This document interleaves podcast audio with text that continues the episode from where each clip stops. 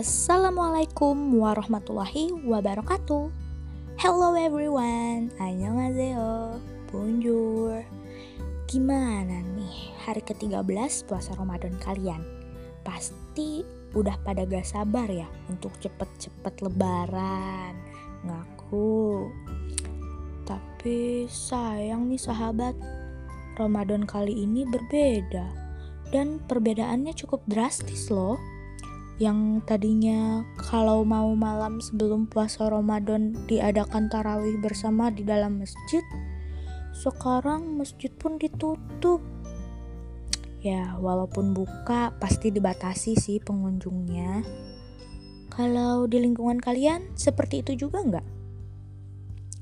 Terus, kalau biasanya kita mengisi waktu luang untuk berbuka puasa, pasti kita ngeburit kan ya membeli takjil untuk berbuka? Sekarang sekedar keluar rumah aja udah ada dimarahin deh kita. Apalagi untuk anak laki-laki nih, yang habis pulang taraweh pasti perang sarung. Ayo, siapa nih yang kangen perang sarung? Ngaku. Nih ya, yang lebih ikonik lagi nih. Kita pasti menukar uang kita ke bank untuk uang yang lebih bagus. Kerjaan anak-anak nih pasti. Menjelang lebaran, biasanya kita melihat toko-toko besar menempelkan spanduk diskon.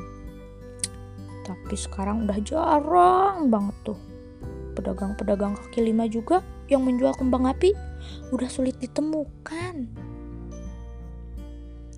Yang paling ditunggu-tunggu tuh kalau aku hmm, orang-orang yang membangunin sahur. Kalau kalian yang paling ditunggu-tunggu apa nih? Nih ya, perubahan ini memang cukup drastis dan pasti susah untuk diterapkan ya sahabat. Bahkan ada di antara mereka yang tidak mau mengikuti aturan yang dibuat oleh pemerintah untuk beribadah di rumah. Mereka lebih memilih untuk beribadah di masjid dengan jarak yang dianjurkan. Pemikiran mereka tuh begini, lebih baik beribadah di masjid dan tidak membiarkan masjid kosong. Memang sahabat, kita pasti tidak terbiasa ya kalau tidak tarawih dan tidak pergi ke masjid.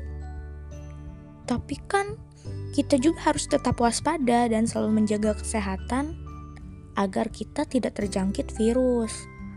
Dari kejadian ini, kita bisa loh mengambil hikmah yang cukup mendalam. Ketika virus belum menyebar, kita leha-leha aja, padahal azan sudah berkumandang. Tidak mengindahkan untuk sholat di masjid. Jarang bersilaturahmi, dan lain sebagainya.